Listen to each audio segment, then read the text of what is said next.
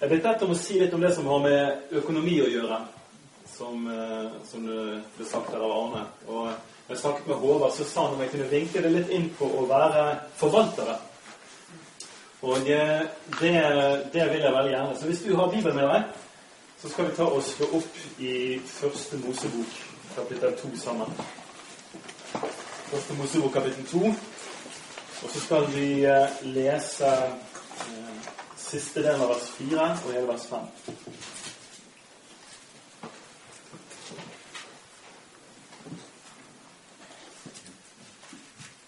På den tid Herren Gud skapte jorden og himmelen, fantes det ikke en busk på jorden, og ennå hadde ikke et grønt strå grodd fram.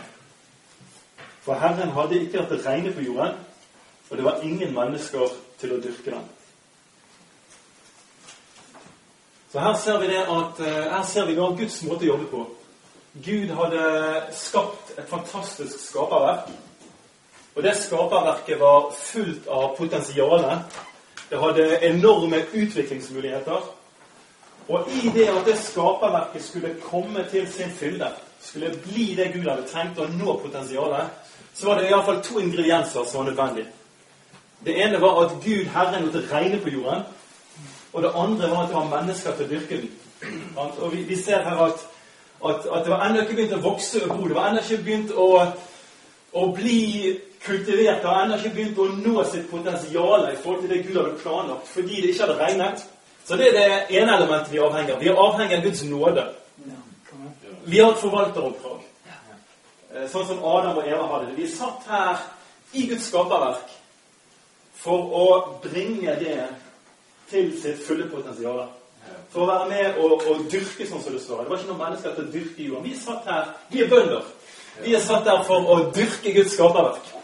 For å bringe alle ting rundt oss som har et potensial, et gudgitt potensial, bringe det til sitt fulle potensial. Og da er vi avhengig av regn fra Gud, og så, og så, så, er Gud avhengig av at vi eh, gjør vår rolle i det. Eh, og du vet det at Bibelen sier at jorden og det som fyller den, verden og de som bor i den, hører Herren til. Så det er ikke sånn at Gud er en snever Gud som er opptatt av, av noe snevert definert åndelig. Men jorden, hele jorden, og du kan utvide det til universet om du vil, kosmos Alt hører Herren til. Jorden hører Herren til. Verden og de som bor i den. Menneskene. Alt hører Herren til. Og han har en interesse i alt sammen. Og ting som vi ikke definerer som strikt åndelige ting. Gud har et hjerte for det. Det, det er Guds skap. Verden er Guds verden. Og han har sine planer med Og han har plassert oss i sin verden for at vi skal være med og kultivere mennesker og ting Alt som, alt som vedgår Guds verden, har Gud en interesse av. Og Det betyr praktisk f.eks. at Gud liker at vi har et samfunnsengasjement. Enten det er at du, eh, du, stiller opp for å bli valgt som foreldrekontakt i klassen til barna dine, eller stiller til valg i FAU på skolen, eller det betyr at du går for en plass i kommunestyret, altså, eller hvilket som helst nivå mellom det. Det at du har et engasjement, engasjerer deg i det som skjer i ditt nærmiljø, i din by, det har Gud behag i. For Gud har òg et samfunnsengasjement. Og han har gjort oss til, til, til sine representanter. Og det vil si at det, det, og det er ikke da sånn at hvis jeg engasjerer meg i, i noe sånt i nærmiljøet eller politikken, så har det verdi dersom noen blir frelst, og bare da. Men da er det sånn at når jeg er der som en representant, så bærer jeg med meg noen verdier. Og jeg bærer med meg et nærvær. Fordi jeg er et Guds barn, og jeg er en container for Guds nærvær overalt hvor jeg går. Den hellige ånd bor i meg. Og jeg bærer ikke bare med meg et nærvær, men jeg bærer med meg noen verdier. Guds rikes verdier. Verdier som går på rettferd. Verdier som går på, på sannhet. Verdier som går på kjærlighet. Verdier i forhold til penger, som vi skal se litt mer på senere. Mange verdier.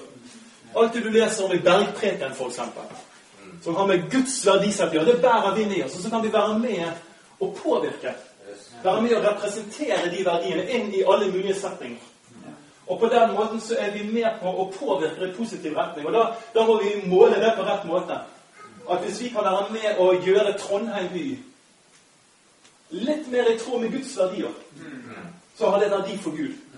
Ikke bare hvis noen får en radikal omvendelse. Så vi, vi, vi, vi er satt der som forvaltere for å påvirke på en, på en god måte. Og, eh, og det, det, berører jo hele livet. Eh, og, og, nå er det jo sånn at vi er her på gudstjeneste, og vi tilber Gud, og vi har et åndelig fellesskap. Men det mesteparten av tiden tilbringer vi i familien, tilbringer vi på jobben. Og der du er på jobb, f.eks., der er du en som er med på Der, der er du en forvalter. En som er med på å bringe inn Guds velsignelse, sånn at ting kan dyrkes. Eh, hvis du er lærer, f.eks., så, så kanskje du har en 20-30 elever daglig i klasserommet ditt.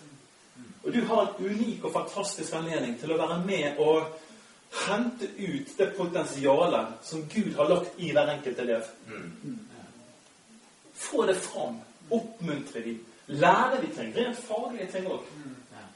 Gud har behag i sånne ting. Gud er ikke en snever Gud. Sånn at når du f.eks. underviser sannhet, så er det Guds sannhet. Det fins mye sannhet, men all sann sannhet er Guds sannhet. Det er ikke sånn at vi har Guds sannhet, og så har vi vitenskapelig sannhet. Hvis vitenskapelig sannhet er sann sannhet, så er det Guds sannhet. Yes. Yes. Og da er det sånn at Hvis du står der som en lærer og lærer barna i naturfag eller om norske fylker eller tyske preposisjoner eller hva det er, så kan du gjøre det i Jesu navn. Du trenger ikke være missil. Durchfyre gegen ohne Umlieder i Jesu navn. Men din er Vil være et eksperiment? Du kan begynne å gi fraktstøtter i Jesu navn.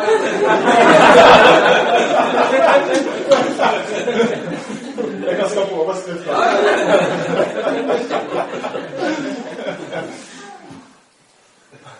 Men når vi ikke gjør det sånn veldig verbalt, så, så, så, så er det litt av grunnholdningen i livet vårt. Og, og, og, vi er der for å Tenk så fantastisk å få lov til å være med og kultivere fram det potensialet som Gud har lagt ned i barn, f.eks.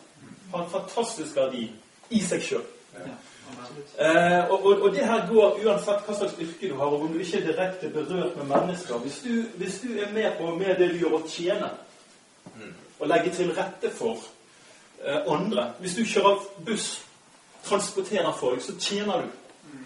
Du kan se på det. ja, men jeg, jeg gjør dette for pengene, og jeg, jeg, får ikke berørt folk. Du kan se på det på den måten. Eller du kan si jeg fyller en funksjon. Jeg tjener folk med det jeg gjør. Og Bibelen sier at vi skal gjøre alle ting Alt vi sier, alt vi gjør, skal vi gjøre i Herren Jesu navn og med takk til Gud. Alt vi gjør, alt vi sier, gjør vi i Hans navn. Vi gjør det for Han, og vi gjør det med takk til Gud. Så det er grunntonen i, i livet vårt. Og da, da, kan du føre regnskap eller bygge hus, eller eh, du kan gjøre hva som helst, og det er gudstjeneste. Eh, du er med på å, å, å være en forvalter. Eh, og vi har denne tjener, tjenerholdningen i det vi gjør. Og da, da blir livet vi lever, et helt liv. Og hele livet blir en gudstjeneste. Eh, og, og, da kan vi ha akkurat den grunnholdningen som jeg siterte fra Kolosserbrevet 3.17, hvor, hvor det står at alt vi sier og alt vi gjør, skal vi gjøre i Herren Jesu navn. Og med takk til Gud, vår Far ved Ham. Eh, og du vet, I første Mosebok der vi leste, så sto det at de skulle dyrke. Og så står det at Gud skapte et fantastisk skaperverk. Eh, og han gjorde alt klart for de første menneskene. Du vet, Gud brukte seks dager på å skape. Og han skapte et mangfold og en fantastisk overflod. Og så ble menneskene skapt den sjette dagen. Og så den syvende dagen var det hviledag. Så det vil si at menneskets første dag var hviledagen. Så mennesket blir plassert midt inn i et skaperverk som er ferdig. Og så sier Gud se her er det alt ferdig. Ta for dere. Eh, bare spis av alle trærne. Bortsett fra det. Eh, men det var, det var, et dekket bord. Så mennesket, mennesket får i oppdrag å dyrke, og så får de i oppdrag å spise. De får i oppdrag å, å ta imot Guds gaver. Og det med å spise, eller sagt på en annen måte, det å ta imot fra Gud Guds gode gaver er òg en gudstjeneste. Vi ærer Gud ved å ta imot Hans gaver. Vi, vi, bringer glede til Gud når vi har denne grunnholdningen i livet, denne grunntonen av at vi gjør alle ting med takk til Gud. Vi gjør alle ting i Jesu navn. Det er ikke, det er ikke sånn at du, det betyr ikke at du, du må, må, gjøre det på en lovisk eller teknisk måte. Det var ikke sånn at jeg sto i dusjen i morgen, så sa jeg faen, nå dusjer jeg i Jesu navn. Faen, nå tar jeg sjampoen i Jesu navn og vasker håret i altså, det, det, er ikke, det, er ikke, det, er ikke, noe teknisk. Men det er likevel en grunntone. En grunnholdning i livet av takknemlighet til Gud. At dette er Guds gode gaver og Guds velsignelse. Når du har den grunntonen, så vil det stadig vekk også slippe ut. Takk, Gud. Det er ikke enten-eller. Men, men, når du har den grunntonen, så er det å ta imot Guds gaver en gudstjeneste og en del av det å være forvalter, faktisk. Og, og, og, da er det sånn at du vet, når du tar imot en gave, så bringer du ære til den som gir. Og du bringer glede til den som gir. Alle som er foreldre, vet hva det går i. Ingenting som gir det, altså, ingenting som gir det større glede enn å gi gaver til barna dine. På julaften det er mye større å se barna glede seg over de gavene de får enn en for meg å pakke opp de få gavene jeg får. det blir færre og færre med årene. Altså. Men det gjør ingenting. For jeg kan, jeg kan fryde meg over hver eneste gave de pakker opp. Og, og, når de er takknemlige for de gavene de får, så gleder det meg. Og det, jeg føler det bringer ære til meg. Og sånn er det i vårt forhold til Gud òg. Vi bringer ære til Gud ved å ta imot, uh, ta imot hans gaver. Og da blir livet da blir livet, hele livet en gudstjeneste. Sånn et, et, godt måltid, sånn som vi skal grille etterpå nå. Det å grille med venner da, bringer ære til Gud. Du kan uh, nyte en god kotelett med noe potetsalat og et glass cola. Til ære for Gud. Det er et bra, bra, perspektiv å ha på livet. Eller du kan dra på ferie, sånn som de fleste av oss kan i løpet av de neste ukene. Sant? Dra på ferie. Kanskje du har planlagt å dra til Syden. Jeg var med, i Tyrkia med min kone i begynnelsen av mai. Sant? Og du sitter der ved bassengkanten på en god solseng med iPoden på, en god bok og en kald cola i den andre hånden. Og nyter livet i Jesu navn til Guds ære. Fantastisk å kunne ha det sånn.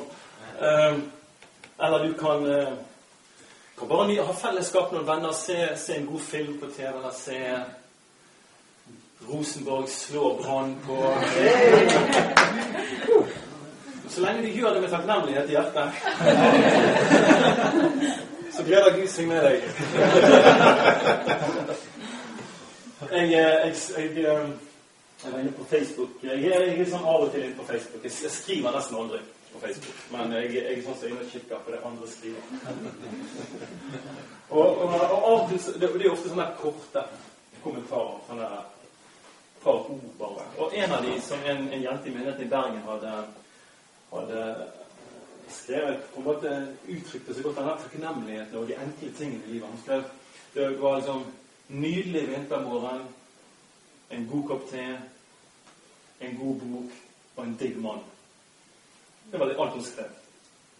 Og jeg som bare tenkte, I noen få ord så har hun bare summert opp noe av Guds gode gaver i en digg mann, en god bok, en god kopp te og nydelig vintervær. Og Det var liksom en sånn takknemlighet til Gud i de enkeordene. Og jeg, jeg, tror, jeg, jeg tror Gud eh, likte den eh, meldingen akkurat som jeg gjorde. Det er noe med tak takknemlighet over livet.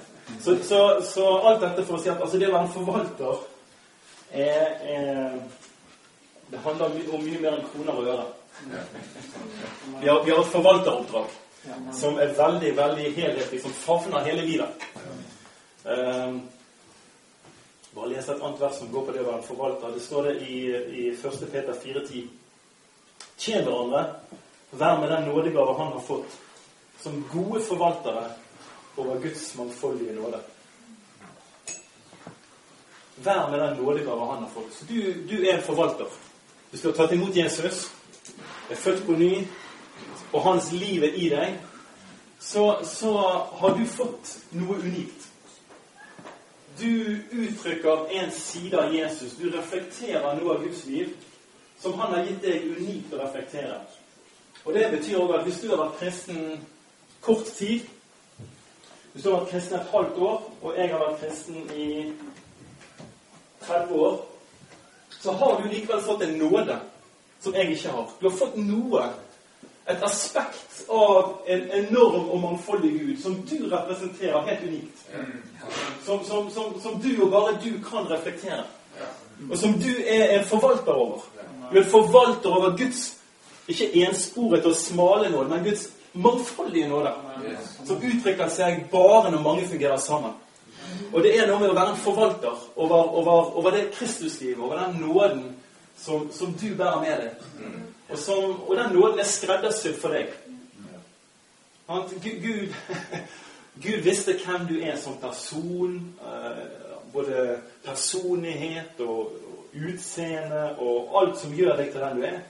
Og så, og så har han gitt deg et, et, aspekt av han som du skal uttrykke på en naturlig måte gjennom den du er og som bare vil flyte naturlig når du vandrer med Herren. Og den er du en forvalter over. Så kan du tjene de andre. Både med å være deg sjøl og med å fungere i den nåden. Så det er godt. Og så, og så, er det jo da en side av det å være, være en forvalter som går på det å, å forvalte eh, materielle ressurser, eller penger, om du vil. Eh, og da, da, er det sånn at i utgangspunktet så eier Gud alt. Vi, vi, vi, leste sammen fra Salme 24 at jorden og det som fyller den, verden og de som bor i den, alt hører Herren til. Så utgangspunktet vårt er at vi har ingenting. Eh, vi kom nakne til verden, og vi vil forlate denne verden uten noe som helst. Eh, står faktisk i, i Bibelen litt andre ord. Første til seks, syv står det. For vi har ikke hatt noe med oss til verden. Vi kan heller ikke ta noe med oss herfra. Så vi har i utgangspunktet ingenting. Og Gud har alt. Og Bibelen sier forskjellige plasser Sølvet mitt og gullet mitt lyder ordet fra Herren, allherrs Gud. Haggai 2,8. Eller sånn som det står i 5. Mosebok 10,14. Se himmelen, den høye himmel, jorden og alt som er på den, tilhører Herren din Gud. Så det, det, er viktig for oss å, å se det at Eh, med det utgangspunktet så er det Gud som er kilden vår. Og da er det to forskjellige tilnærminger til det som har med, med materielle verdier og penger å gjøre. Den ene er det du finner i, i verden, hvor, hvor, det på mange måter er et strev og et jag etter, materi, etter materiell rikdom. Etter penger, etter et større hus og en bedre bil, og etter å ha mer. Og at Vi lever i en ekstremt materialistisk eh, verden og en kultur. Og, og, og, det er på en måte Det er et begjær etter materielle ting. Og det er et, jeg vil si, det er et jag som, som, som, som, går på hele måten vi innretter livet vårt. Så er det et, et stadig jag etter å sørge for at man, man har det man ønsker, og man, man, mye av livet er rettet inn på det. Eh, som på en måte er verdens måte å, å, å søke velsignelse, som du kan kalle det. Men for oss som er Guds barn, så, så er utgangspunktet veldig annerledes. Gud er vår kilde. Eh, og for oss handler det mer om å tjene Han, leve i fellesskap med Han, kjenne Han, og vite det at Han som, han som eier alt, han er òg vår far.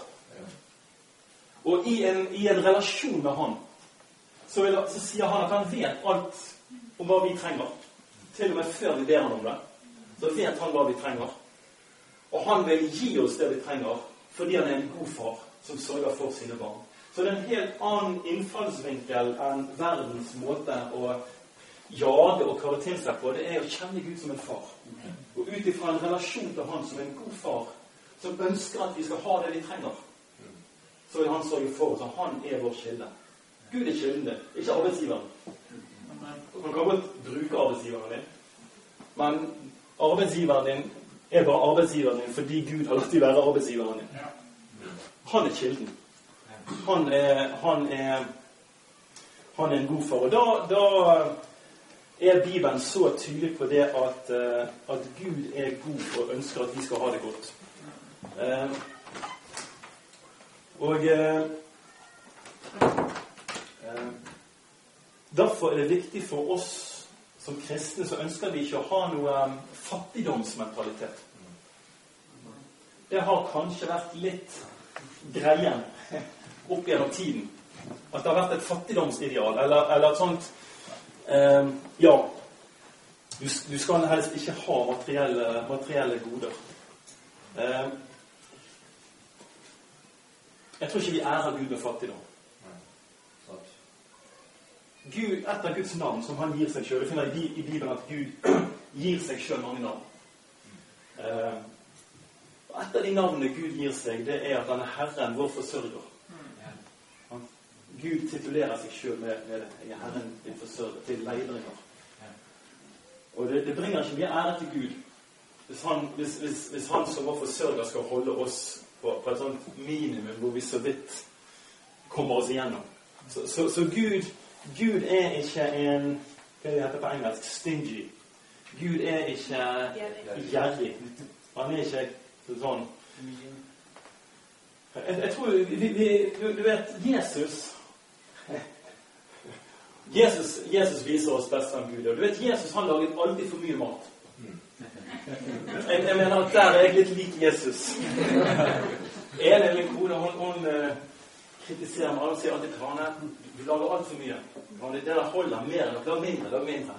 Jeg har et, et eller annet i meg Nei, jeg, vi skal iallfall ikke ha for lite mat.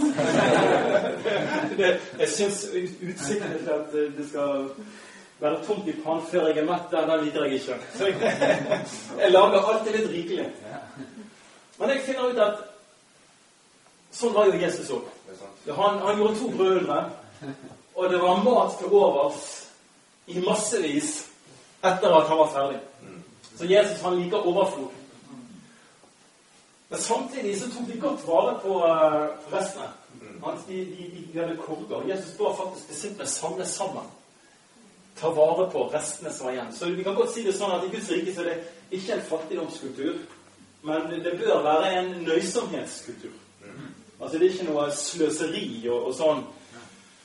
Jesus tok vare på det. Det gjør jeg òg. Jeg spesielt hvis jeg har laget god mat, og det er for mye av den.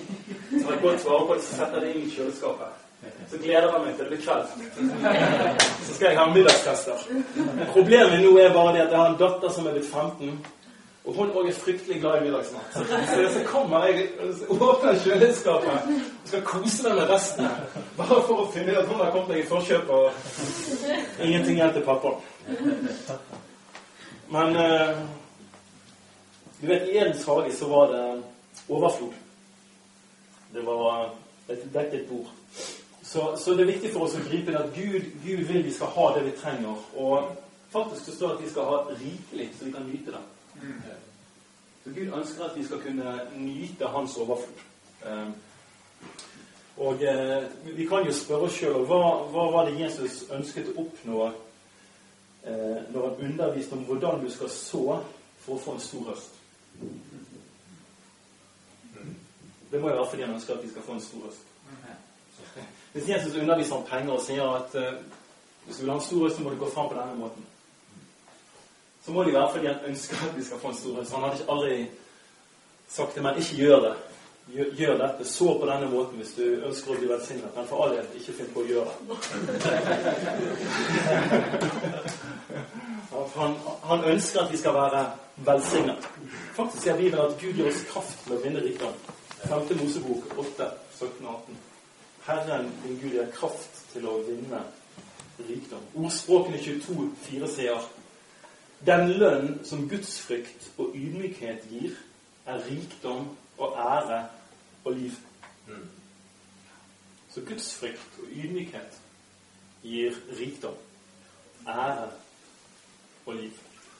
Eh, Forkynneren 5,18 sier når Gud lar en mann få rikdom og gods og gir ham lov til å nyte det, så han kan ta sin del og glede seg midt i sitt strev, da er dette en gave fra Gud.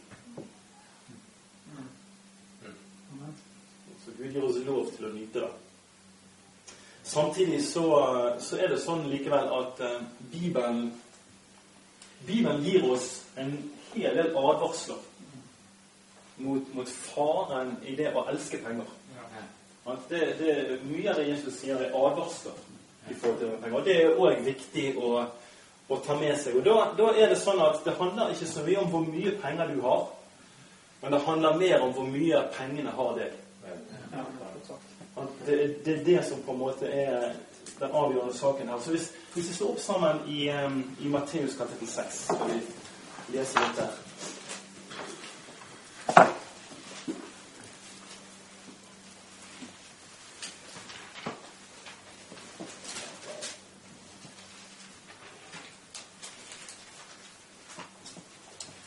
Eh, Matteus 6, og så skal vi lese vers 19 eh, til 21.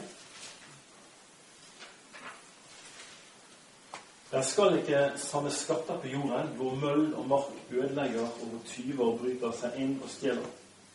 Men der skal samle skatter i himmelen, der verken møll eller mark ødelegger, og tyver ikke bryter inn og stjeler. For der skatten din er, der vil også ditt hjerte være. Så kan vi hoppe ned til eh, vers 24. Eh, Ingen kan tjene to herrer. Han vil hate den ene og elske den andre, og holde seg til den ene og forakte den andre. Dere kan ikke tjene både Gud og mammon.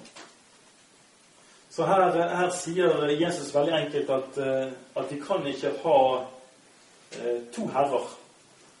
Hjertet kan ikke deles mellom, mellom to skatter. og Jesus advarer mot, mot, faren i det å, å elske penger og det, det som kalles rikdommens bedrag. Og da må vi, da, da, da er spørsmålet ok, hjertet mitt kan ha én herre. Hvordan, hvordan, blir det konkret utfordringen i mitt liv? At jeg, blir prøvd på det, er det sånn at jeg Nå blir det snart tid for feriepenger. For de fleste av oss, sant? Kanskje jeg sitter eh, hjemme med datamaskin og går inn på nettbanken Ops, der ser at feriepenger har kommet inn en god slump penger. Yes! Yes! Elin! Penger! Å, jeg elsker penger! Åh! Og så liksom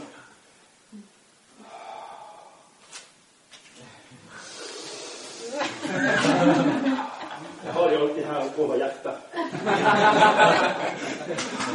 Penger. Det er en parodi.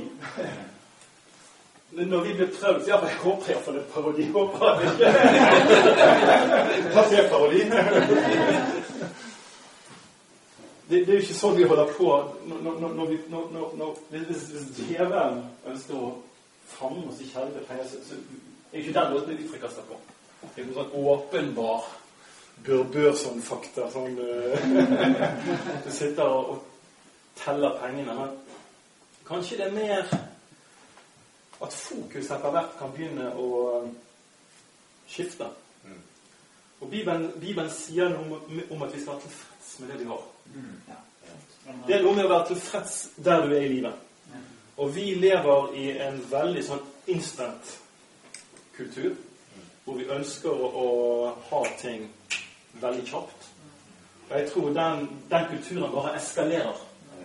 Eh, jeg tror at både min generasjon, men enda mer generasjonen som, som eh, under meg igjen. Altså det her med at du skal ha ting på plass veldig kjapt. Jeg tror at Terje som sa, sa i en sammenheng var for noen uker siden, at det tidligere generasjoner har bygget opp over mange, mange år, og vist tålmodighet i forhold til å oppnå, skal de som etablerer seg i dag, på en måte realisere i løpet av veldig, veldig få år. Veldig sånn kjapt. Og det er noe med at man lett da kan bli At man ikke blir tilfreds med det man har. Så begynner man å miste litt fokus på, på verdier som er viktige. Og tenke at skulle, vi skulle jo ha hatt og Hvis bare Ja, kanskje hvis jeg bare jobber litt mer overtid. Da kan vi få råd til det.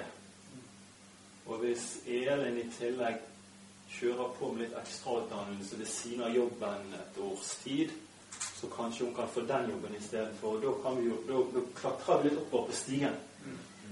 Og så blir man plutselig fanget i et fokus som gjør at tiden eh, låses inn i ting som man egentlig ikke hadde tro for, som man kanskje ikke tenkte så nøye over når man tok de valgene heller. Og Plutselig er man fanget. Kanskje fanget i en lånebyrde som var større enn det man føler er behagelig. Og så skjer det noe med fokus.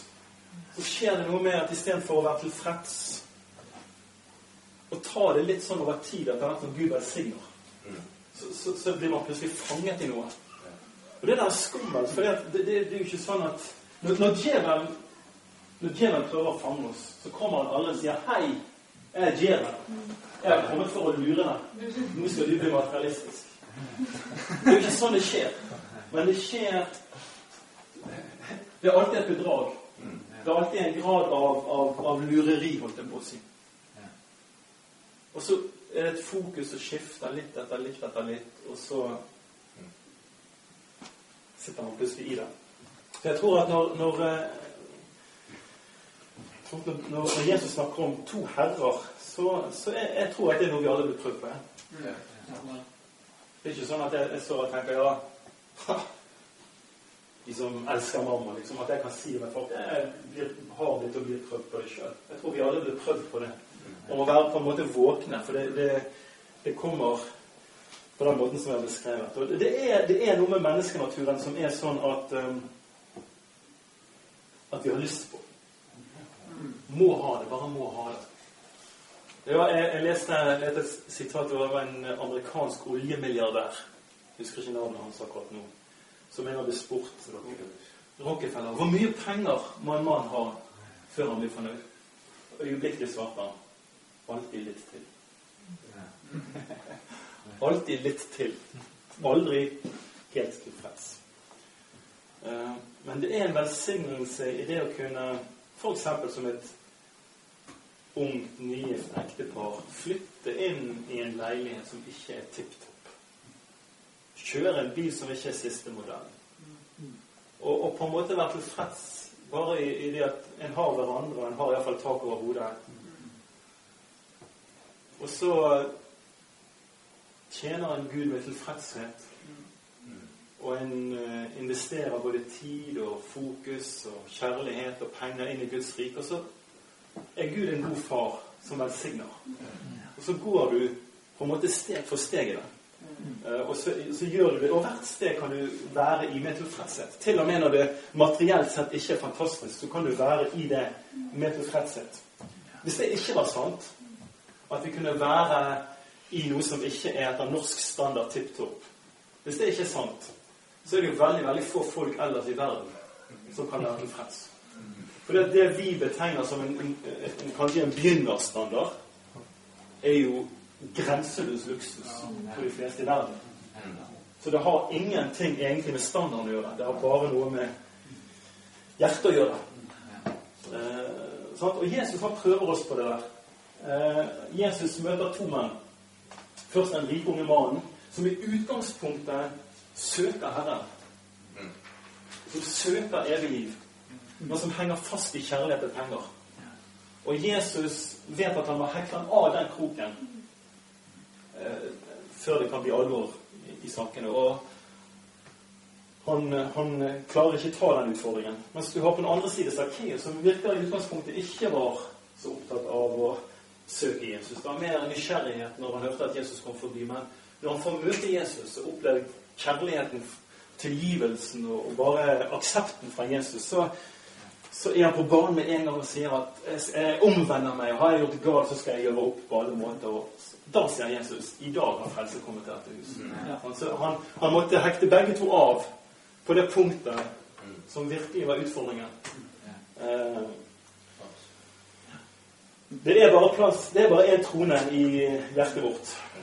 Det er ikke plass til flere troner. Eh, og Jesus vil sitte på den tronen. Og han. Så Jeg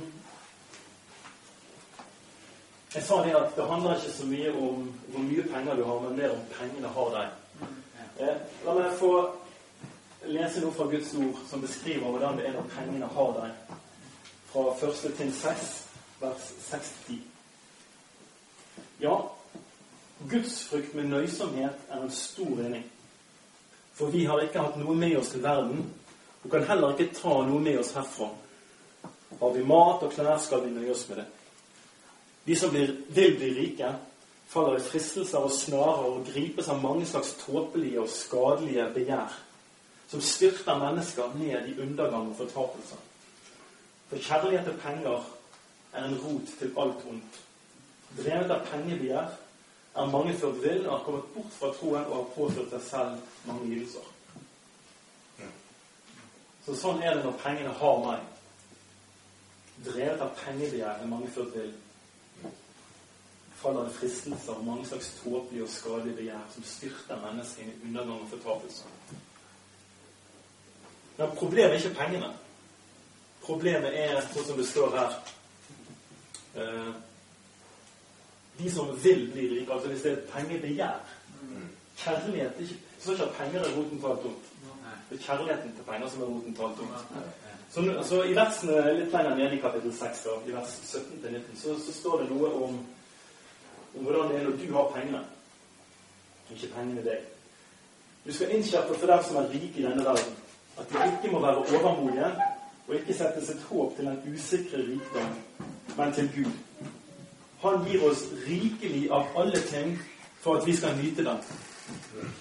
De skal gjøre godt, så de kan være rike på gode gjerninger, være gavmilde og gjerne dele med andre.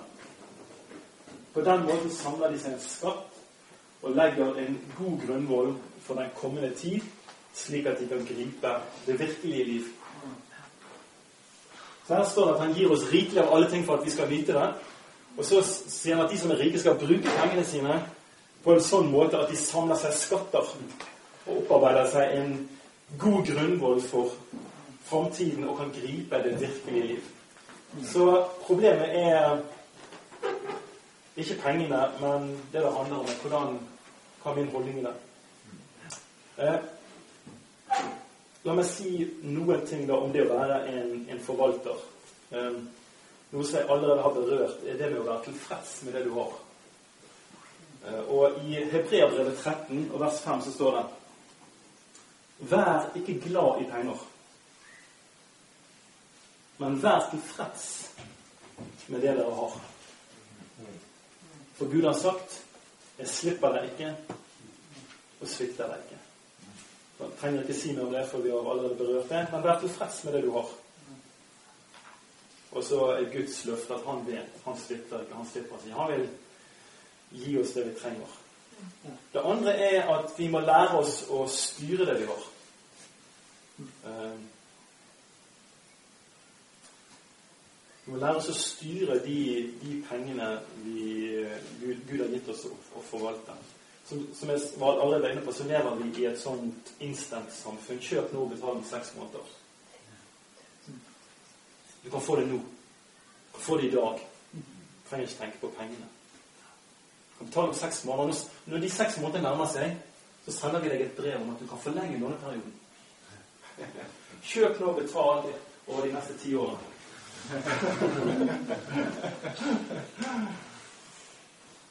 Men, men det hele tanken som ligger bak der. Så vi trenger å planlegge.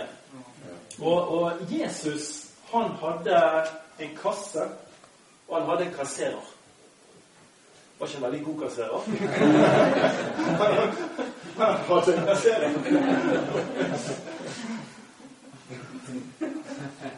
Så det var ikke sånn at hver gang Jesus og disiplene skulle ut på markedet og kjøpe brød eller grønnsaker eller fisk eller kjøtt, eller noe sånt, så, så sendte han Peter på fisketur. Så gikk Peter ned og fisket, åpnet munnen og hentet ut en mynt. Og så gikk de og handlet. Det var ikke, det var ikke sånn mirakuløst hver eneste gang. Men det var noen ganger mirakuløst når de trengte det. Men de planla tydeligvis. La av penger. De hadde, det står om en flokk med kvinner som, som fulgte Jesus og disiplene, og med de pengene de hadde, var med å forsørge tjenesten. Så Jesus tok imot gaver. De hadde en kasse, de planla livet av, og når de hadde behov for det, så var det brødunder og penger ut av fiskemunner og en mirakuløst aspekt i det. Men, eh, så det, det, forteller oss jo det at um, det er åndelig å planlegge. Og, og, styre det du har. Og så, når du har gjort det på en god måte og likevel har behov, kan du forvente at Gud skal sørge for på om nødvendig på mirakuløst vis. Yes. Um, Og jeg tror jo det at for noen så er det faktisk et like stort mirakel å lære seg å styre det du har, som å finne penger i fiskemunnen. Eh, det å lære å si nei til noe du har lyst på. Og, det her kommer jo med en gang inn på barneoppdragelse. For det er vårt ansvar som foreldre å lære ungene at de får ikke alt de har lyst på.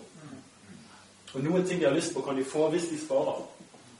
Så skal mamma og pappa gi inn litt til den sykkelen, og så må du bruke noen av dine egne penger. Og du får han om seks måneder hvis du har spart. Det Da gjør du ungene dine en kjempetjeneste, altså. Gir, gir du dem hjelp. Sant? Til å lære dem og, og, og, og, at ikke alt kommer sånn. Og, det er et stort problem for mange at de ikke klarer å si nei til ting de har lyst på. Ikke bare de som er sjokoholikere, men, men på, et, på, et, mye sånn På et annet nivå, men likevel det en utfordring. Um, og der, der, der, er det i, i, en sånn i en sammenheng med brødre og søstre hvis, hvis, du tenker at jeg trenger å lære noen ting om det å forvalte min økonomi, så er det fantastisk å være en del av Guds storfamilie. For der er det alltid noen som har kanskje en spesiell nåde på det området, eller som, som har gått en vei i det, og som kan, kan hjelpe deg. Jeg eh, skal snart runde av. Jeg har egentlig ikke tenkt å si veldig mye om tiden, for jeg hadde mer lyst til å si noe omkring disse holdningene rundt penger. Eh, men så er det sånn med tiden at den er gitt oss for å hjelpe oss til å ha rette holdninger. I 5. Mosebok 1423 så står det at Gud vil vi skal betale tienden, eller gi tienden, sånn at vi skal lære oss å frykte Han. Den er gitt oss for at vi skal lære oss å frykte Gud. Og Den, den kalles jo for førstegrøden, fordi den, den ble gitt av det første de av det første de høstet inn, måtte de gi en tiendedel. Og det er noe med å lære å sette Gud først sette Gud først og lære å frykte Han på den måten. At i alle ting så blir han minnet på at Gud er kilden min. Jeg setter Han først. Jeg ærer Han på den måten. Og det er en, en, effektivt i forhold til å sette oss fri fra pengebegjær. Eh, ja, jeg skal ikke bruke mer tid på det. Um, jo. Det, det, er, det, er litt, eh, det er litt I tiden nå så er det en del eh, diskusjon rundt det med tiende. Ja, for det er en del som argumenterer og skriver for at tiende egentlig ikke er noe som er knyttet til, til den nye pakt og Det nye testamentet, og at, og de argumenterer for at det har, har sine røtter i loven. Men eh, første gang tiende er nevnt, er når eh, Abraham har vunnet seier over kongene. Og, og, kongen i Salem kommer ut, Melkisedek kommer ut for å velsigne. Og I Hebreerbrevet kan du lese det at Melkisedek representerer Jesus. Jesus Kristus. Sånn at det er, det er i møte med, med Jesus Det er i møte med, med Han at, at, det vekkes en respons i Abraham til å betale tiende. Så, så tiende er noe vi gjør når vi får en åpenbaring av hvem Jesus er. Den andreplassen eh, tiende nevnes, er Jakobs. Hvor eh, Jakob er på flukt fra, fra Esau på vei til Laban. Han legger seg til å sove om natten. Og, og, så har han denne drømmen om en stige som går fra himmel til jorden. Og så går det engler opp og ned, og så taler Gud dette løftet om at i deg skal alle jordens slekter velsignes. Og så våkner han opp av drømmen. Og så sier han Gud er her. Dette er Guds hus, himmelens port. Det er andre, andreplassen tiende nevnes. Og hele den drømmen handler om Guds hus, som menigheten, som en plass der Gud fins, der Gud bor, og hvor det er engler som stiger opp og ned. Med andre ord et himmelrike som kommer ned. Så, så hele den drømmen handler om at menigheten er en plass der Gud bor, der engler kommer ned og bringer velsignelse. I deg skal alle jordens etter velsignes. Og Det forteller oss noe om, om hva som er menighetens oppdrag. Men i en respons på den drømmen så sier Jakob jeg vil betale tiende til Herren. Så tiende handler om en åpenbaring av Jesus gjennom det du Melkisedek. Og det handler om en åpenbaring, en respons på åpenbaringen av menighet og hele Guds rikeoppdrag. Det, det, det er først og fremst det tienden handler om. Eh, ikke, ikke, det har ikke, ikke først og fremst sin, sin, sin røtter i loven. Um, vi kunne sagt mye mer om penger, men det må vi gjøre en annen gang. um, Bibelen snakker om tiende, Bibelen snakker om, om å gi. Gaver, ofre. Det snakker om å ha en, en, livsstil. Altså Det å gi handler ikke bare om det vi gjorde på møtet her i dag, men det handler om en sjenerøs livsstil. Det handler om å bruke hjemmet sitt. Invitere folk på et måltid, spandere en caffè latte. Altså Det handler om veldig mye forskjellig hvor, hvor det å velsigne blir en del av, av livet ditt, livet du lever. Men det får, får, får komme en annen gang. Mm.